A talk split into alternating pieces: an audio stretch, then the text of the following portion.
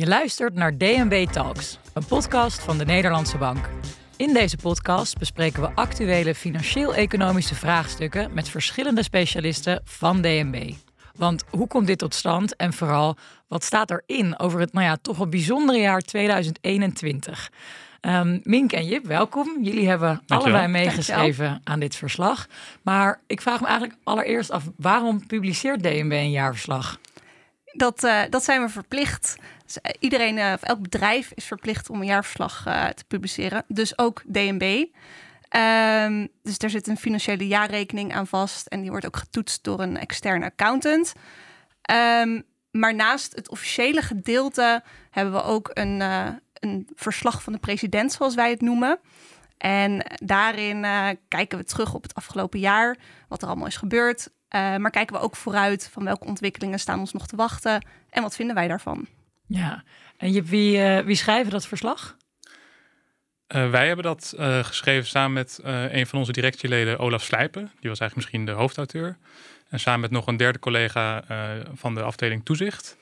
En um, wij zijn eigenlijk niet de experts op alle terreinen die in het jaarverslag terugkomen. Dus wij hebben ook input opgehaald bij heel veel plekken in de bank. Dus je leert ook op die manier de bank weer uh, beter kennen. Uh, en zo, we dat, zo is dat eigenlijk tot stand gekomen. Dus jullie werken eigenlijk samen met iedereen? Zo zou je wel kunnen samenvatten. Dat zouden we kunnen stellen. Dat klinkt wel als een hele leuke baan. Ja. Heel divers. Ja, want dat, het, het jaarverslag, uh, je hebt dus inderdaad die verantwoording die Mink al noemde. Dat is gewoon een financiële verantwoording. Maar dat verslag van de president is eigenlijk een soort van visie op de economie van, van DNB. En dat kan, gaat dus eigenlijk over alle, alle beleidsterreinen waar wij, uh, waar, waar wij ons mee bezighouden. Ja, leuk. Maar voordat we helemaal diep in dat jaarverslag duiken, um, ben ik nog even benieuwd, wat is jullie achtergrond? Waar komen jullie vandaan? Hoe lang werken jullie hier al? Ja, uh, ik ben Minke van der Heijden. Ik heb uh, economie gestudeerd aan de UvA. Um, daarna traineeship gedaan bij het ministerie van Economische Zaken en Klimaat. En uh, drieënhalf jaar geleden bij uh, DNB komen werken. Um, bij de divisie Economisch Beleid en Onderzoek. Ik ben begonnen op de afdeling uh, Conjunctuur en Macro-analyse. En sinds kort overgestapt naar de afdeling Monetair Beleid. Dus binnen dezelfde divisie. Leuk. En jij? Ja, ik ben Jip Triljaner. Ik werk nu ruim anderhalf jaar bij DNB. Ik zit bij dezelfde divisie als Minke, Economisch Beleid en Onderzoek. Maar bij een andere afdeling, Algemeen Economisch Beleid. En wij houden ons eigenlijk bezig met uh, wat we de Haagse thema's noemen. Dus dat zijn thema's waar eigenlijk in Den Haag over besloten wordt. Bijvoorbeeld het klimaat, de overheidsfinanciën, de woningmarkt. En daar maken wij analyses over en geven wij uh, advies over. En uh, hiervoor heb ik een aantal jaar bij het ministerie van Financiën gewerkt, een jaar of zes. En nog een tijdje op detachering bij de Europese Commissie in Brussel. Dus van Den Haag naar Haagse zaken. Ja, zo zou je het kunnen zeggen. Hey, en ik, ik hoorde jou net ook al zeggen, wat houdt monetair beleid precies in? Uh, het monetair beleid gaat er eigenlijk over de beslissing die centrale banken nemen om uh, de doelstelling van prijsstabiliteit te behalen. En voor de ECB, dus de Europese Centrale Bank, is dat 2% inflatie op de middellange termijn. Um, en daar kunnen we aan een aantal knoppen van draaien en dat noemen we dan het monetaire beleid helemaal helder. Dat in ieder geval heb ik weer helemaal bijgepraat voordat we er, uh, erin gaan duiken. Want we blikken in deze aflevering voor een groot deel terug op 2021. Wat voor heel veel mensen, op zijn zachtst gezegd, een heel bijzonder jaar is geweest. Um, hoe kijken jullie daar persoonlijk op terug, uh, Jip? Voor mij was dat wel een raar jaar, want ik ben eind 2020 uh, begonnen bij DNB. En toen zaten we natuurlijk nog allemaal thuis. Dus ik heb ook al mijn collega's in eerste instantie digitaal ontmoet, wat best wel uh, lastig was, moet ik zeggen. Maar tegelijkertijd merkte je ook wel dat het werk bij DNB, maar net eigenlijk net zoals in de rest van Nederland gewoon doorgaat. En het blijkt gewoon te werken. En dat zie je dus ook wel een beetje terug in hoe de Nederlandse economie heeft gefunctioneerd. het was in het begin een klap, maar uiteindelijk passen we ons daar ook weer op aan. Ja, en voor jou? Ja, ik associeer 2021 nog heel erg met corona. En dat lijkt nu zo ver weg, omdat we nu gewoon allemaal weer naar buiten kunnen, op het terrasje zitten. Maar ik had inderdaad wel ook heel erg het idee, hier gaan we weer. Van toen we weer in lockdown kwamen, van komen we hier ooit nog uit? Nou ja, gelukkig lijkt het daar nu wel op. Dus uh, wat dat betreft ben ik blij dat uh, 2021 dan uh, voorbij is. Ja, ja, ik denk inderdaad dat corona toch wel de hoofdrolspeler van het afgelopen jaar wederom is geweest. Maar los van die gezondheidscrisis lag er natuurlijk ook een economische crisis. Ja, toch wel op de loer. Ik heb hier ook in eerdere afleveringen met collega's van jullie wel eens over gesproken. Um, maar die is uiteindelijk uitgebleven. Tenminste, laat ik me afkloppen vooralsnog. Ja. Um, hoe verklaren jullie dat? Ehm, nou ja, heel kort gezegd, eigenlijk Jip stipt het al een beetje aan. Ehm, mensen hebben zich heel goed aangepast. Dus we hebben, nou ja, eigenlijk elke economische raming die we hebben gemaakt tijdens eh, corona, alles weer omhoog bijgesteld. Van dat het toch beter ging dan we hadden gedacht. Uh, grotendeels omdat mensen zich heel goed hebben aangepast en alles dus ook gewoon digitaal door kon gaan. En ja, daarbij was het dan ook, Nederland stond er gewoon relatief goed voor. Dus uh, Klaas Knot gaf vlak voor het uitbreken van de pandemie de economie nog een 9 in Buitenhof. Dus konden een stootje hebben. Uh, maar desondanks is het ons echt ook heel erg meegevallen. Ja, nou ja. En in hoeverre denken jullie dat, dat DNB ook heeft bijgedragen aan het voorkomen van zo, ja, toch wel tussen aanhalingstekens Great Depression? Wil je zeggen over PEP? Of, uh... Ja, zo ik, uh, dus nou ja, aan het begin van de pandemie heeft uh, de ECB het Pandemic Emergency Purchasing Program, PEP. Nog één keer? Pandemic Emergent. Emergency Purchasing Program. Hele mond vol. Ja, dus PEP. Goede afkorting, ja. um, om dus de doorwerking van het monetair beleid uh, te bevorderen. Um, en dus ook de, de financieringscondities te verruimen voor banken en bedrijven. Um, dus hierdoor heeft ja, de ECB dus ook de economie ondersteund. Um, waardoor we dus ook een deel ja, hebben, hopelijk hebben bijgedragen aan het voorkomen van die crisis.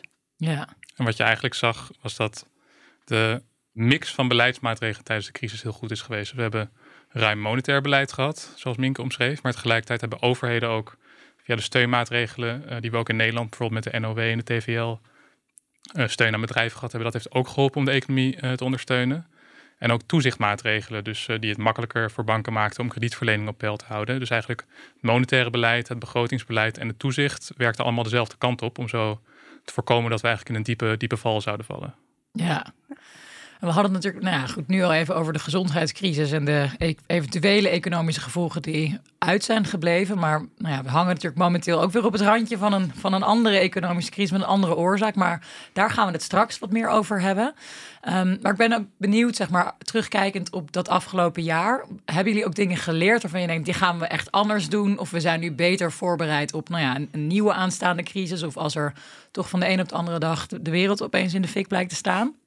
Nou, ik denk dat wat we deze crisis ook wel, nou ja, gezondheidscrisis dan, economische crisis viel mee. Uh, wel hebben gezien is dat uh, buffers heel erg belangrijk zijn gebleken. Dus we stonden er gewoon heel goed voor. Uh, dus we hadden goede buffers, zowel nou ja, economisch, maar ook op een heleboel andere terreinen zijn buffers gewoon heel erg belangrijk gebleken. Dus ook voor de gezondheidszorg wil je een buffer hebben. Um, dat gaat wel ten koste van de efficiëntie op de korte termijn, want een buffer daar kan je in feite niks aan verdienen. Maar uh, daardoor word je wel weerbaarder. Dus ik denk dat dat wel een les is die we zeker meenemen. En jij, Jip? Nou ja, ik denk wat, wat we ook hebben geleerd is dat uh, het begrotingsbeleid, dus het beleid van de overheid en het monetaire beleid goed moeten samenwerken. We zagen na de financiële crisis dat er in een aantal landen toen best hard is bezuinigd, terwijl er toen ruim monetair beleid is gevoerd. Uiteindelijk heeft die crisis toen best lang geduurd. Nu hebben eigenlijk zowel de overheid als de centrale banken hebben de economie gestimuleerd. Dat heeft heel erg geholpen tegelijkertijd willen we ook wel weer voorzichtig zijn dat de overheid niet alle problemen kan oplossen. We hebben nu tijdens corona gezien hoe het heel succesvol kan zijn. Uh, maar dat betekent niet dat bij nou, bijvoorbeeld gestegen energieprijzen, dat het ook betekent dat de overheid dat volledig moet opvangen. Dat is uiteindelijk ook niet betaalbaar. Ja, maar ik moet zeggen dat het voor mij wel als een geruststelling klinkt dat we het dus eigenlijk best goed gedaan hebben. Ja. Dat is toch niet iets wat je vaak in de, in de krant leest of wat je, wat je hoort, toch? Ja, nou in zekere zin hebben we daar ook deels geluk mee gehad. Dus de structuur van de Nederlandse economie, die was relatief goed bestendig tegen de, de pandemie. Ze hebben weinig uh, contactintensieve beroepen, een relatief klein aandeel van toerisme, wat natuurlijk een hele grote klap heeft gehad, waardoor landen als Spanje en Italië het een stuk lastiger hadden dan wij als in Nederland. Ja. Ze hebben ook gewoon een beetje geluk gehad, maar we hebben ook met goed beleid ja. uh, erger voorkomen. Want in die sectoren waar wel, uh, die wel last hadden van corona, hebben eigenlijk de economie als het ware een beetje stilgezet of bevroren. Dat zij, zij hadden geen omzet, maar daar kregen ze wel steun voor van de overheid. En zo kunnen ze eigenlijk na corona weer door. Ja. En dat zag je ook dat op het moment dat dan de beperkingen worden opgeheven, dan uh, pakt de groei ook weer heel, heel snel op. Ja. Nou, ik wou net zeggen, dit is toch ook wel eens lekker om te horen. Van we zijn er eigenlijk best oké uitgekomen. Dus gezien uh, nou ja, wat andere landen onder andere gedaan hebben. Ja, we hebben het natuurlijk over het jaarverslag. En ik kan niet zeggen dat ik hem van A tot Z gelezen heb, Oh, maar ik heb, hem, ik heb hem gezien. Ja, ik dacht, jullie komen, jullie kunnen me daar alles over vertellen. Maar ik wil toch een beetje goed beslagen ten ijs komen. Ehm, en een van de thema's die een grote rol speelt is duurzaamheid. En ik heb er een zinnetje uitgehaald. Ehm, in de transformatie naar een duurzame economie is een belangrijke rol weggelegd voor de financiële sector. En dus ook voor DNB als financiële toezichthouder. Ehm, hoe zit dat? Ja, klopt. We wijzen in het jaarverslag eigenlijk op een aantal transformaties of aanpassingen van de economie die ons na corona uh, te wachten staan. En één daarvan is, uh, is duurzaamheid. Nou, DNB spoort als toezichthouder uh, financiële instellingen aan om rekening te houden met de risico's van klimaatverandering. Als bijvoorbeeld pensioenfondsen veel beleggen in fossiele energie en door de klimaattransitie gaan dergelijke bedrijven in waarde dalen, kan het ook gevolgen hebben voor die instellingen. Dus daar waarschuwen we voor. En daarnaast pleiten we meer als economisch adviseur ook voor een betere beprijzing van uh, CO2-uitstoot. We zien dat het kabinet heel erg ambitieus is uh, op dit gebied. Uh, in het regeerakkoord is 35 miljard euro uitgetrokken om de groene transitie te, te, versnellen. Maar uiteindelijk is de meest effectieve manier om klimaatverandering tegen te gaan, is een betere CO2-beprijzing. En daar pleiten we dus als DNB ook voor. En, en hoe reageert het kabinet er dan op als jullie dat vinden, met DNB, als DNB zijnde? Het is wel ook op een manier kritiek, toch? Op hun, op hun eigen beleid. Nou, ik denk eigenlijk dat, dat we als DNB verschillende rollen hebben. Uh, dus als toezichthouder houden we toezicht op financiële instellingen. In het monetaire beleid zijn we volledig onafhankelijk. En als het gaat over het economisch beleid, dus over de Haagse thema's, zijn wij uiteindelijk een adviseur. Uh, wij kunnen zeggen wat we ervan vinden en we proberen dat te ondersteunen met analyses. Maar uiteindelijk gaat het kabinet er zelf over en ze maken hun eigen keuzes. En wij vinden het overigens wel heel goed dat er in het kabinet zoveel ambitie zit op het gebied van klimaat. Je hebt wel het idee dat je daarin gehoord wordt? Of dat er gelezen of geluisterd? Nou ja, we hebben. Ik spreek soms met mensen van het ministerie van Financiën of andere ministeries. En uh, dat doen onze bazen ook. En dat doet Klaas Knot ook. En ik heb het idee dat daar wel goede gesprekken gevoerd worden. Ja. Dat is toch ook een geruststelling voor de gewone mensen als ik, hè? Zeker. Um, een ander thema wat in het jaarverslag uh, aan bod komt, maar vooral momenteel heel actueel is, is ja, die toch wel enorme inflatie. Um, en ik denk dat ik als ik, nou ja, dat ik spreek namens heel Nederland als ik zeg, wat doet DNB zeg maar om, om dit te beteugelen? En, en is het genoeg om te voorkomen dat het echt de pan uit gaat reizen? Ja, uh, we hebben heel lang gedacht dat inflatie echt volledig tijdelijk was. Er zitten ook heel veel tijdelijke factoren aan ten grondslag. Uh, we zien nu alleen dat die tijdelijke dingen toch wel langer duren dan we oorspronkelijk hadden gedacht. Wat zijn die factoren? Um, nou ja, bijvoorbeeld de energieprijzen die zijn heel erg gedaald aan het begin van corona. En toen de economie weer open ging, ging die ook weer omhoog. En dan, daardoor krijg je, ja, wij noemen dat een basiseffect. Van als iets van laag naar hoog stijgt, omdat we inflatie van dezelfde maand uh, het jaar ervoor bekijken, uh, dan stijgt dat heel hard. Maar als de energieprijzen daarna gelijk waren gebleven, dan valt dat effect van de hoge energieprijzen uit de inflatie. Zo zijn er een aantal effecten die aan het begin van de pandemie heel erg lage inflatie hebben veroorzaakt, waarvan we wisten als we weer enigszins open gaan, weer normaal worden, dat dat tot hogere inflatie zou leiden. Daarnaast um, zien we heel veel problemen in uh, ja, de supply chains. Um, dus door de containervervoer, dat was heel erg duur geworden. Uh, je herinnert misschien nog wel het schip in het Suezkanaal wat dwars lag. Yep. Nou, dat soort dingen hebben allemaal de bevoorrading van bedrijven uh, ja, beïnvloed, waardoor de prijzen gingen stijgen. Um, maar ook omdat we met z'n allen weer zijn gaan consumeren, uh, kon het, het, aanbod de vraag eigenlijk niet bijbenen. Dus zo dachten we dat als dat allemaal weer normaal wordt, dat de inflatie ook wel weer normaal zou gaan worden, richting de 2%. Nou, dit duurt nu allemaal wat langer dan we oorspronkelijk hadden gedacht. Er is de oorlog in Oekraïne natuurlijk nog bijgekomen. Nou, zo zijn er een heleboel tijdelijke factoren die een stuk langer duren, waardoor de inflatie langer hoog blijft. Dus het PEP, het uh, Pandemic Emergency Program, uh, Purchasing Program, uh, dat is in maart gestopt. Dus er worden geen nieuwe aankopen meer gedaan onder dit aankoopprogramma. Daarnaast hebben we nog een ander opkoopprogramma. Dat liep nog al van voor de pandemie. Um, en dat wordt nu gestopt in het derde kwartaal. Uh, dus zo bouwen we wel al af. Maar we streven naar 2% inflatie op de middellange termijn. En of de inflatie ook echt op de middellange termijn hoger uit blijft komen, dat is nog heel erg onzeker. Dat hangt af van een heleboel verschillende factoren. Uh, waaronder uh, nou, hoe de oorlog in Oekraïne zich gaat ontwikkelen. Um, maar ook of er een loonprijsspiraal gaat ontstaan. Um, of dat de verwachtingen, de inflatieverwachtingen, hoger uitkomen dan die 2% op de middellange termijn die we eigenlijk willen. Ja, en ik hoor jou nu zeggen een, een loonprijsspiraal. Wat, wat houdt dat precies in? Dat is als uh, nou, de inflatie hoog is en in reactie daarop werknemers ook een hoger loon willen. Want nou ja, je wil wel je boodschappen kunnen blijven betalen, dus vraag je om een hoger loon aan je werkgever. Nou, als de werkgever dat doet, dan gaan zijn kosten omhoog. En om die kosten te dekken, stelt hij weer hogere prijzen in. Dus dan worden de prijzen nog hoger. Dan gaan wij weer naar onze werkgever om een uh, hoger loon te vragen.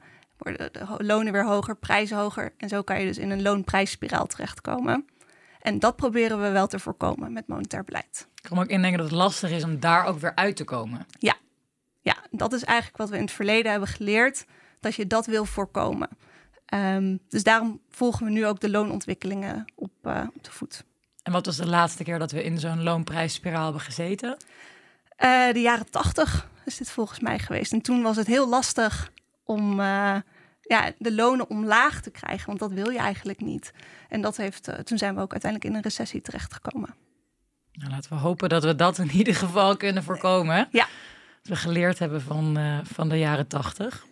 Ja, je noemde net met 2%. Waarom, waarom 2 en niet, nou ja, gewoon 0? Um, ja, inflatie noemen we ook wel een beetje de, de smeerolie van de economie. Um, en met 2% dat is niet zo hoog dat het je beslissingen heel erg gaat beïnvloeden, waardoor je niet meer kan plannen hoeveel je geld waard is op langere termijn. Dus dan heb je toch nog die prijsstabiliteit. Maar je wil ook vooral voorkomen dat we deflatie krijgen. Dus dat inflatie minder dan nul wordt. Um, want dan ja, wordt alles goedkoper. Maar als je weet dat uh, een nieuwe koelkast of wasmachine over een week goedkoper is, ga je hem niet nu kopen, maar over een week. En als iedereen zo zijn aankopen blijft uitstellen, dan um, ja, valt de economie stil. Dus dat willen we voorkomen. En daarom zijn de centrale banken wereldwijd er eigenlijk wel uh, over eens dat ongeveer 2% inflatie uh, ja, een goede smeerolie voor de economie is. Dus liever iets te hoog dan iets te laag uit laten vallen. Ja, dus rond de 2% Helder. En nou ja, goed, we hebben het nu uh, over 2021 gehad. Uh, nou ja, goed, alles behalve saai. Maar ik denk dat we dat ook. We zijn ongeveer halverwege uh, nu we in deze opname zitten van 2022. Is ook niet echt een, een, een, een, jaar waarin het allemaal wel zijn gangetje gaat en er niet zoveel gebeurt. Um, want ik som het even op. We hebben oorlog in Oost-Europa, een superkrappe huismarkt, een historische krapte op de arbeidsmarkt, zeer hoge inflatie, mogelijk nog een faillissementsgolf van bedrijven die coronasteun nog terug moeten betalen. Ja, dit, is denk ik maar een deel wat ik nu opnoem. Um, waar staat de Nederlandse economie in jullie ogen? Ja, we staan er op zich best wel goed voor. Dus we zijn redelijk goed uit de coronapandemie gekomen. Um, waardoor we dus ook wel weer een stootje kunnen hebben. Maar de gevolgen van de oorlog in Oekraïne, die zijn wel alweer voelbaar. Um, dus nou ja, die hoge energiekosten, dat drijft de inflatie. Uh, maar dat is vooral ook voor bedrijven en consumenten die hun energierekening in één keer uh, heel veel hoger zien worden. Gewoon heel vervelend. Um, en dat zie je ook terug in een hele scherpe daling van het consumentenvertrouwen. Dat is echt heel laag uh, op het moment. En dat ja, kan wel gevolgen gaan hebben ook voor de rest van de economie. Ja. Ja, je noemde net ook die coronasteun die moet worden terugbetaald. Een deel van de steun die is gegeven aan bedrijven, dat waren eigenlijk subsidies. Dus dat mogen bedrijven in principe gewoon houden. Uh, maar tegelijkertijd hebben bedrijven ook de mogelijkheid gekregen om hun belastingbetalingen eh, uit te stellen. En dat moet vanaf het eind van dit jaar in over een periode van vijf jaar moeten worden terugbetaald. En er is natuurlijk wel een kans dat dat niet alle bedrijven uh, gaat lukken. We hebben als DNB ook analyse gedaan die ook laat zien dat een deel van die, van die uitgestelde belastingen ook is gegaan naar bedrijven die ook voor de crisis niet zo productief waren. Wat je ook zag is dat voor corona het aantal faillissementen vrij laag was. Het is ook tijdens de crisis laag gebleven. En er kan dus nog wel een soort van boeggolf komen. En dat is ook wel weer een deel van de normale economische dynamiek. Uh, bedrijven gaan failliet en er komen weer nieuwe bedrijven. Dus dat hoort er ook een beetje bij. Ja, en als we dan iets verder naar de toekomst gaan kijken, uh, want nou ja, ik neem aan dat dat ook onderdeel is van jullie werk. Um, wat zien jullie dan? Um, nou ja, we komen op 13 juni weer met een uh, nieuwe raming uit, dus voor de Nederlandse economie. Um, nou ja, het is wel dat is gewoon met heel veel onzekerheid ook nu allemaal omgeven. Nou, je noemde al uh, de oorlog. Um, daarvoor moeten we aannames doen. En dat werken we dan in de modellen door. Um, daarom maken we nu ook een extra scenario. Uh, om ook gewoon die negatieve kant, waarvan we allemaal niet precies weten hoe de wereld uh, zich gaat ontwikkelen, maken we een scenario van wat ook zou kunnen gebeuren naast het basispad wat we altijd publiceren. Um, omdat het gewoon heel erg onzeker is hoe de wereld uh, er over een half jaar uh, bij staat. Lijkt me met name ook lastig om in te schatten hoe negatief dat scenario dan moet zijn. Snap je dat je, je wil niet dat mensen dan daar heel erg bang hiervan worden? Of denken, oké, ik, ik, haal al mijn geld van de bank en ik ga er onder mijn matras. Weet je wel, dat je dat soort tafereelen krijgt. Maar natuurlijk wel realistisch ook blijven. Want als het dan over twee jaar blijkt dat het, snap je, volgend jaar deze tijd bij zo'n nieuwe raming, dat het, dat het er heel ver naast staat. Is dat voor jullie, ik kan me indenken dat dat best wel uh, druk is op je schouders. Hoe hoe ga je dat verwoorden en hoe, uh, wat ga je voorspellen? Ja, nou, dat is ook heel lastig. Van wat voor een soort scenario kies je dan? Um, gelukkig doen we dit ook niet alleen als DNB, maar doen we het samen met andere, andere nationale centrale banken, um, waarmee we allemaal tegelijk een scenario maken in het kader van de ECB. Uh, die maakt er dan weer een eurogebied scenario voor. Um, dus we kunnen ook met andere landen sparren om te kijken wat zij willen aannemen voor het, het basispad, dus het, het normale scenario. Um, en dan kun je ook per land weer kijken van wat voor een scenario je voor je eigen land nog zou willen maken. Ja. Ja, Mink gaf natuurlijk aan het begin van het gesprek al aan dat onze ramingen telkens omhoog zijn bijgesteld tijdens de coronacrisis. Dat we eigenlijk achteraf te, te pessimistisch waren. Wat ook meespeelt is dat wij natuurlijk we hebben modellen die iets zeggen over de economie, maar wij weten niet hoe corona als pandemie zich gaat ontwikkelen. En weten ook niet hoe een oorlog of hoe sancties uh, zich gaan ontwikkelen. Um, daar moeten we aannames over maken. Maar daar, kunnen wij, daar weten wij niet meer over dan, dan andere mensen eigenlijk. Ja, en, en wat je zegt, we zijn eigenlijk te pessimistisch, of jullie zijn te pessimistisch geweest. Maar dat klinkt in mijn oren ook als iets heel Hollands. Met over het, het glas is altijd half leeg. En is dat, zeg maar, want je had het net al over de ECB, is dat dan uh, Europees gezien te pessimistisch gebleken? Dat ze in Spanje zeiden, nee, of valt wel mee en uh, manjana, manjana. Of is dat uh, inderdaad echt iets Nederlands of is het iets Europees?